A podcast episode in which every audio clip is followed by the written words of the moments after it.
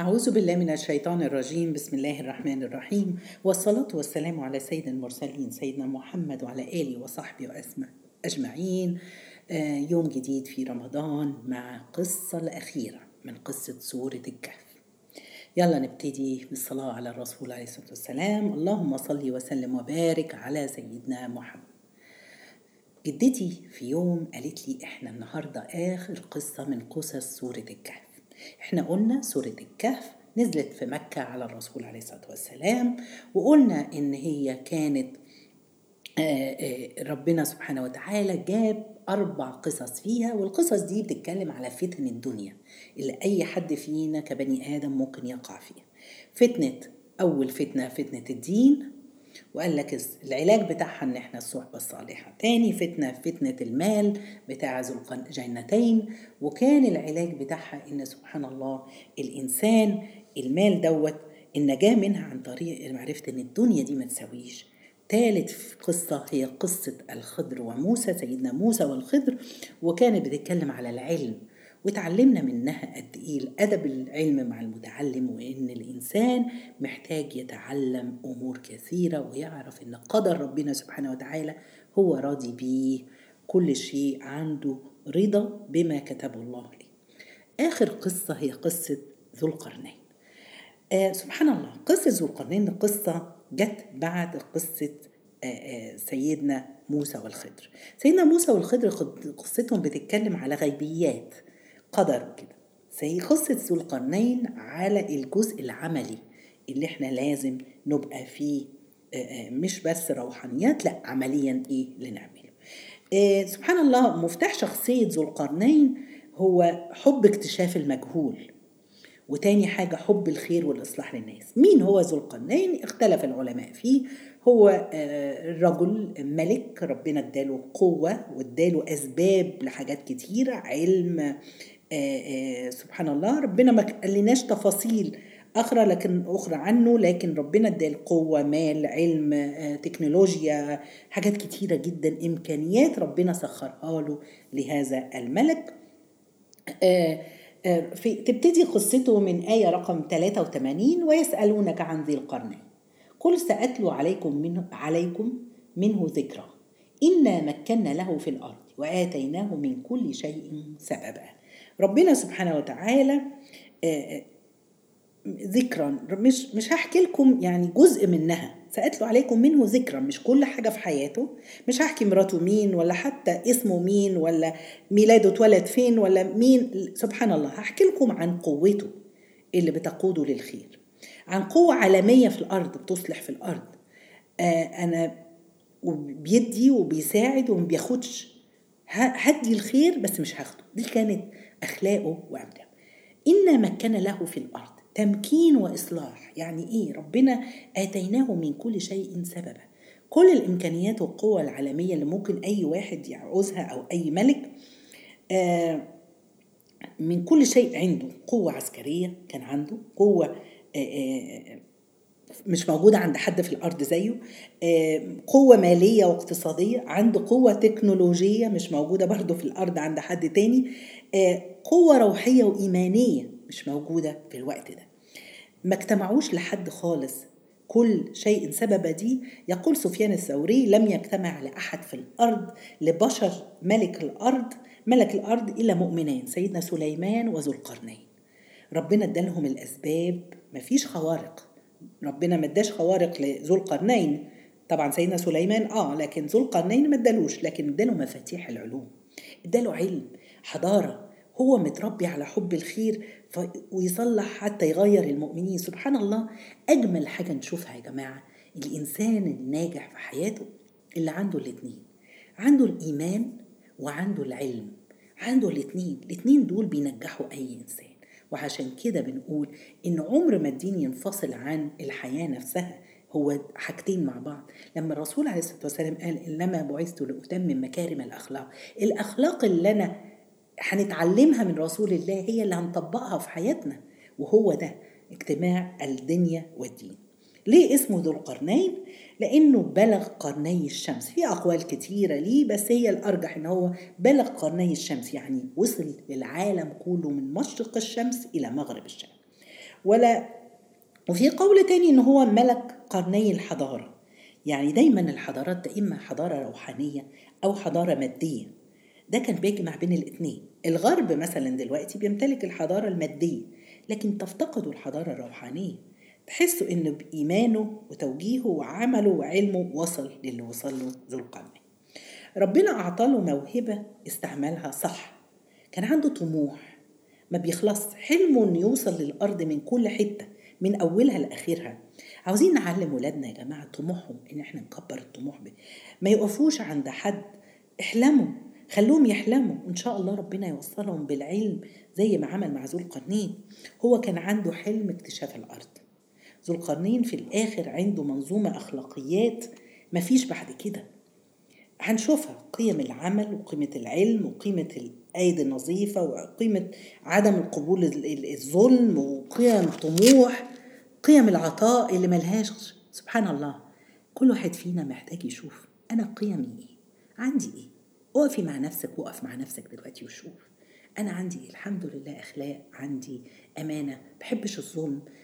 في غيرك هيقول لا أنا يعني بطنش مش لازم يعني أتكلم في مواقع سبحان الله كل واحد يقف مع نفسه. إحنا عاوزين القيم يا جماعة بتتعلمها الإنسان بيتعلمها من الأم والأب ومن الدين. دولت تعالوا نعلم أولادنا القيم من حواديت قبل النوم اللي بنحكي لهم ال bedtime stories بتاعتنا اللي بنقعد نقولها لهم كلها حاجات ساعات بتبقى فاضية وفارغة. حلو إن إحنا برضو حتى بأسلوب الأطفال نفهمهم قد إيه إن أنت تحلم عشان توصل نقول لهم قصة ذو القرنين دي تعالوا نفهمها لاولادنا عشان يتعلموا يبقى دايما عندهم طموح. آه سبحان الله الأم والأب لازم يكونوا مثل. الأب اللي طالع عينه طول الليل ونهار في شغل وبتاع عشان يوفر لهم فلوس حلو وفر لهم فلوس بس معاهم سيب لهم قيم عايزين نقضي quality time وقت ذو فايدة مع أولادنا ونكون إحنا بالقدوة مع ديننا إحنا يا مسلمين بنصوم رمضان عشان إيه؟ إيه اللي هدفنا ناخده من رمضان السنة دي؟ عشان يوم العيد نروح بقى والمعاصي اللي إحنا بطلناها في رمضان نرجع لها؟ ولا عاوزين بس مخزون الطاقة؟ عاوزين رمضان ده يكون نقطة تحول في حياتنا. كل قصة من القصص اللي إحنا بنحكيها كل يوم من أول يوم رمضان أو إحنا واصلين تقريبا لنص رمضان سبحان الله كل يوم وكل قصة لازم تغير فينا حاجة نتعلم فيها حاجة حتى ولو شيء واحد بسيط نغير فيه. عشان نخرج من رمضان وصلنا لهدف رمضان وهو التقوى. تقوى الله نتقيه في عملنا. في أخلاقنا مع أزواجنا مع زوجاتنا مع أولادنا مع الناس اللي في الشغل هي دي. عاوزين نتغير. الصحابة لما نزلت الصور دي على الرسول عليه الصلاة والسلام في مكة وكانوا بيقروها زينا كل جمعة. حسوا بالحلم والعمل والعطاء وحب البشرية وحب الخير. فتحوا العالم بعد 25 سنة. سبحان الله القصة دي جت بعد قصة الخضر. الخضر كان بيتكلم عن الغيب. واتوزنت بعدها بالقصة دي بالعمل والأخذ بالأسباب. عمل سيدنا الخضر ثلاث رحلات أو ثلاث قصص فيها. وهنا ذو القرنين عمل ثلاث رحلات برضو. فأتبع ربنا بيقولها فأتبع سببا أخذ بالأسباب. بعد كده بعد كده يقول توكلت عليك يا رب العالمين. الخضر عمل ثلاث رحلات وذو القرنين ثلاث رحلات. يلا قرر ذو القرنين إنه ياخد أمته وهيطلع يطوف الأرض. طول ما قعد عد يعني يعدي هيساعد البشرية ساعد اللي حواليك وده اللي إحنا لازم. عارفين يا جماعة وين وين أنا هعمل خير وهساعد نفسي وهساعد البشرية. انجح وينجح الناس اللي معاك. أول رحلة أخدها ربنا سبحانه وتعالى في القرآن بيقول لنا أول رحلة رحلة للمغرب ناحية غرب الأرض. هيعمل فيها إيه؟ هيقيم العدل فيها. تاني رحلة لشرق الأرض تنمية اقتصادية. تالت رحلة طلع للشمال مواجهة أعداء الخارجين اللي بيواجهوا بلادنا. وهنشوف خلال رحلته دول خمس أمم اللي موجودة على الأرض. هي نفسها اللي موجودة في كل زمن وفي كل مكان. عاوزين كل واحد يشوف يا ترى إحنا أمتنا من أي أمة فيهم. يلا نبتدي أول رحلة له كانت تحيي الغرب. يقال إنه خرج من اليمن واتجه إلى مغرب الشمس. تخيلوا الجيش بتاعه أخذ معاه جيشه ومعاه علماء ومهندسين وعلماء الجغرافيا والتكنولوجيا سبحان الله طالع بجيش عظيم. ومشي مشي قد إيه السفر إلى أن يصل إلى غرب الأرض. ربنا سبحانه وتعالى بيوصف لنا إن هو في رحلته دي آه بيقول لنا ربنا سبحانه وتعالى في الآية آه 86 حتى إذا بلغ بلغ مغرب الشمس وجدها تغرب في عين حمئة ووجد عندها قوما. قلنا يا ذا القرنين إما أن تعذب وإما أن تتخذ فيهم حسنا. وصل إلى مغرب الأرض وجد مغرب الشمس وجدها تغرب في عين حمئة. يعني إيه؟ وجد عنده أرض زراعية خصبة مليانة عيون. حضارة وغنى وفلوس بس في ظلم. وجد في ناس غلابة عايشين في البلد دي بيزرعوا الأرض وملهمش أي حقوق والأغنياء بياخدوا حقهم ومقهورين. آه سبحان الله. هو دخل عليهم الأرض بتاعتهم بلدهم. الناس خافت إن هو جاي يحارب. فسبحان الله وجد عندها قوما. القوم دول قالوا له قلنا يا ذا القرنين إما أن تعذب وإما أن تتخذ فيهم حسنا أنت جاي تحارب ولا إيه؟ إحنا مش عاوزين الحرب سبحان الله. مش جاي أحارب قال لهم أنا مش جاي أحارب ولا أخد خيراتكم. آه سبحان الله. يا ترى لو ربنا مكننا كل واحد فينا كده في الأرض في وظيفة في, في عمل في, في, في مشروع هنظلم اللي تحتينا ولا لأ؟ هنكون عادلين؟ سبحان الله. كل واحد يفكر في دي. ذو القرنين هيحط دستور جديد عشان عاوز عدل لأن في ظلم. حتى قال للظالم أنت أنا مش عاوز حاجة منك لكن أنا هحط دستور جديد والدستور ده مفيش فيه ظلم لحد. مش هعمل بأثر رجعي. سبحان الله. ربنا بيقول قال ذو القرنين قال إيه؟ أما من ظلم فسوف نعذبه ثم يرد إلى ربه فيعذبه عذابا نكرا. حتى دستور أنا مش هاخد باللي فات أنا هبتدي من دلوقتي. اللي هيظلم هيتعاقب. عقوبة للظالمين لكل حد. مفيش عندنا تفرقة. بعد كده فكروا بربنا. قال له ثم يرد إلى ربه فيعذبه عذابا نكرا. دايما فكر بالدين وعقوبة ربنا. بعد كده وأما من آمن وعمل عمل صالحا فله جزاء الحسنى. له جزاء اللي بي بيجتهد في الأرض هيترقى هياخد مكانه ومنصب. وسنقول له من أمرنا يسرا. سبحان الله هيكون له جوائز وهنشجعه وهيوصل. فأقام العدل وجلس شوية معاهم لغايه ما نفذوا الدستور ومشي. سبحان الله بيقال إن سؤال مرة سأل الله إبراهيم أتعلم لماذا اتخذتك؟ اتخذك الله خليلا؟ قال لا. قال لأن حبك للعطاء أكثر من حبك للأخذ. وده كانت دي طبعا رواية في الأثر يعني. كان سيدنا إبراهيم ما ياكلش إلا لما يجيب معاه حد ما يقدرش ياكل لوحده. حب العطاء يا جماعة عاوزين نحب العطاء. الرحلة الثانية لذو القرنين كمل سفر وراح ناحية الشرق. خلاص؟ في آية رقم تسعة سبحان ربنا بيقول لنا ثم أتبع سببه. يلا بيجتهد انطلق مع جنوده إلى الشمال وصلوا إلى أسفل الشرق وصلوا إلى الشرق. ربنا بيقول لنا في آية 90 حتى إذا بلغ مطلع الشمس وجدها تطلع على قوم لم نجعل لهم من دونها سترا. راح الأرض لقى أرض. سبحان الله جرداء في جفاف. مفيش مية مفيش زرع حاجة ميتة خالص. زي مثلا في أفريقيا ساعات بنشوف بعض الأراضي كده. الناس دي مستسلمين لربنا لا أكل ولا شرب ولا لبس حالتهم صعبة. ربنا بيقول كذلك. سبحان الله. هو بقى نزل وشمر لهم كذلك وقد أحطنا بما لديه خبرا. ذو القرنين. ثم أتبع سببا. وصل لقى الناس دي مستسلمة. مفيش حاجة. هو قعد اشتغل معاهم هو وجنوده والأرض بتاعتهم وساعدوهم. سبحان الله. إلى أن قاموا على رجليهم. بعد كده هو تبدأ الرحلة الثالثة. حتى إذا بلغ بين السدين وجد من دونهما قوما لا يكادون يفقهون قولا. مشي ذو القرنين والجيش معاه ورجاله وطلعوا إلى شمال الكرة الأرضية.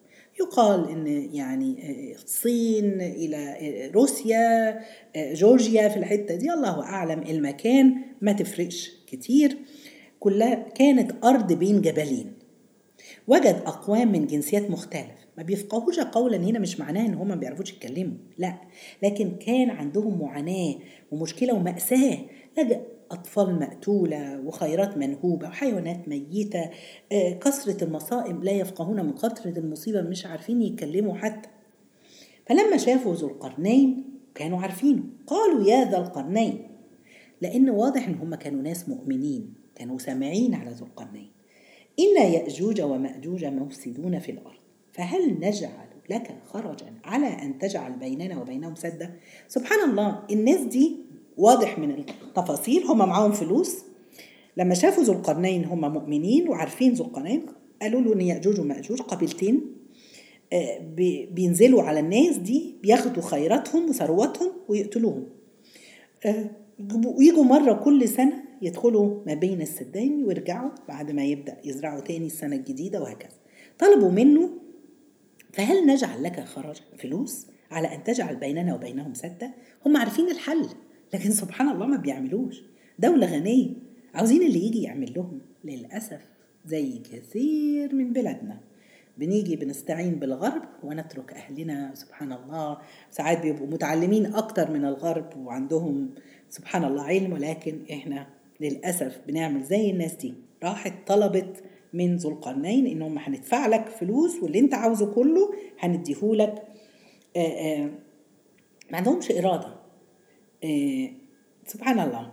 المهم آه ذو القرنين قال لهم هم عارفين الحل نبني سد قال ما مكني فيه ربي خير فأعينوني بقوتي.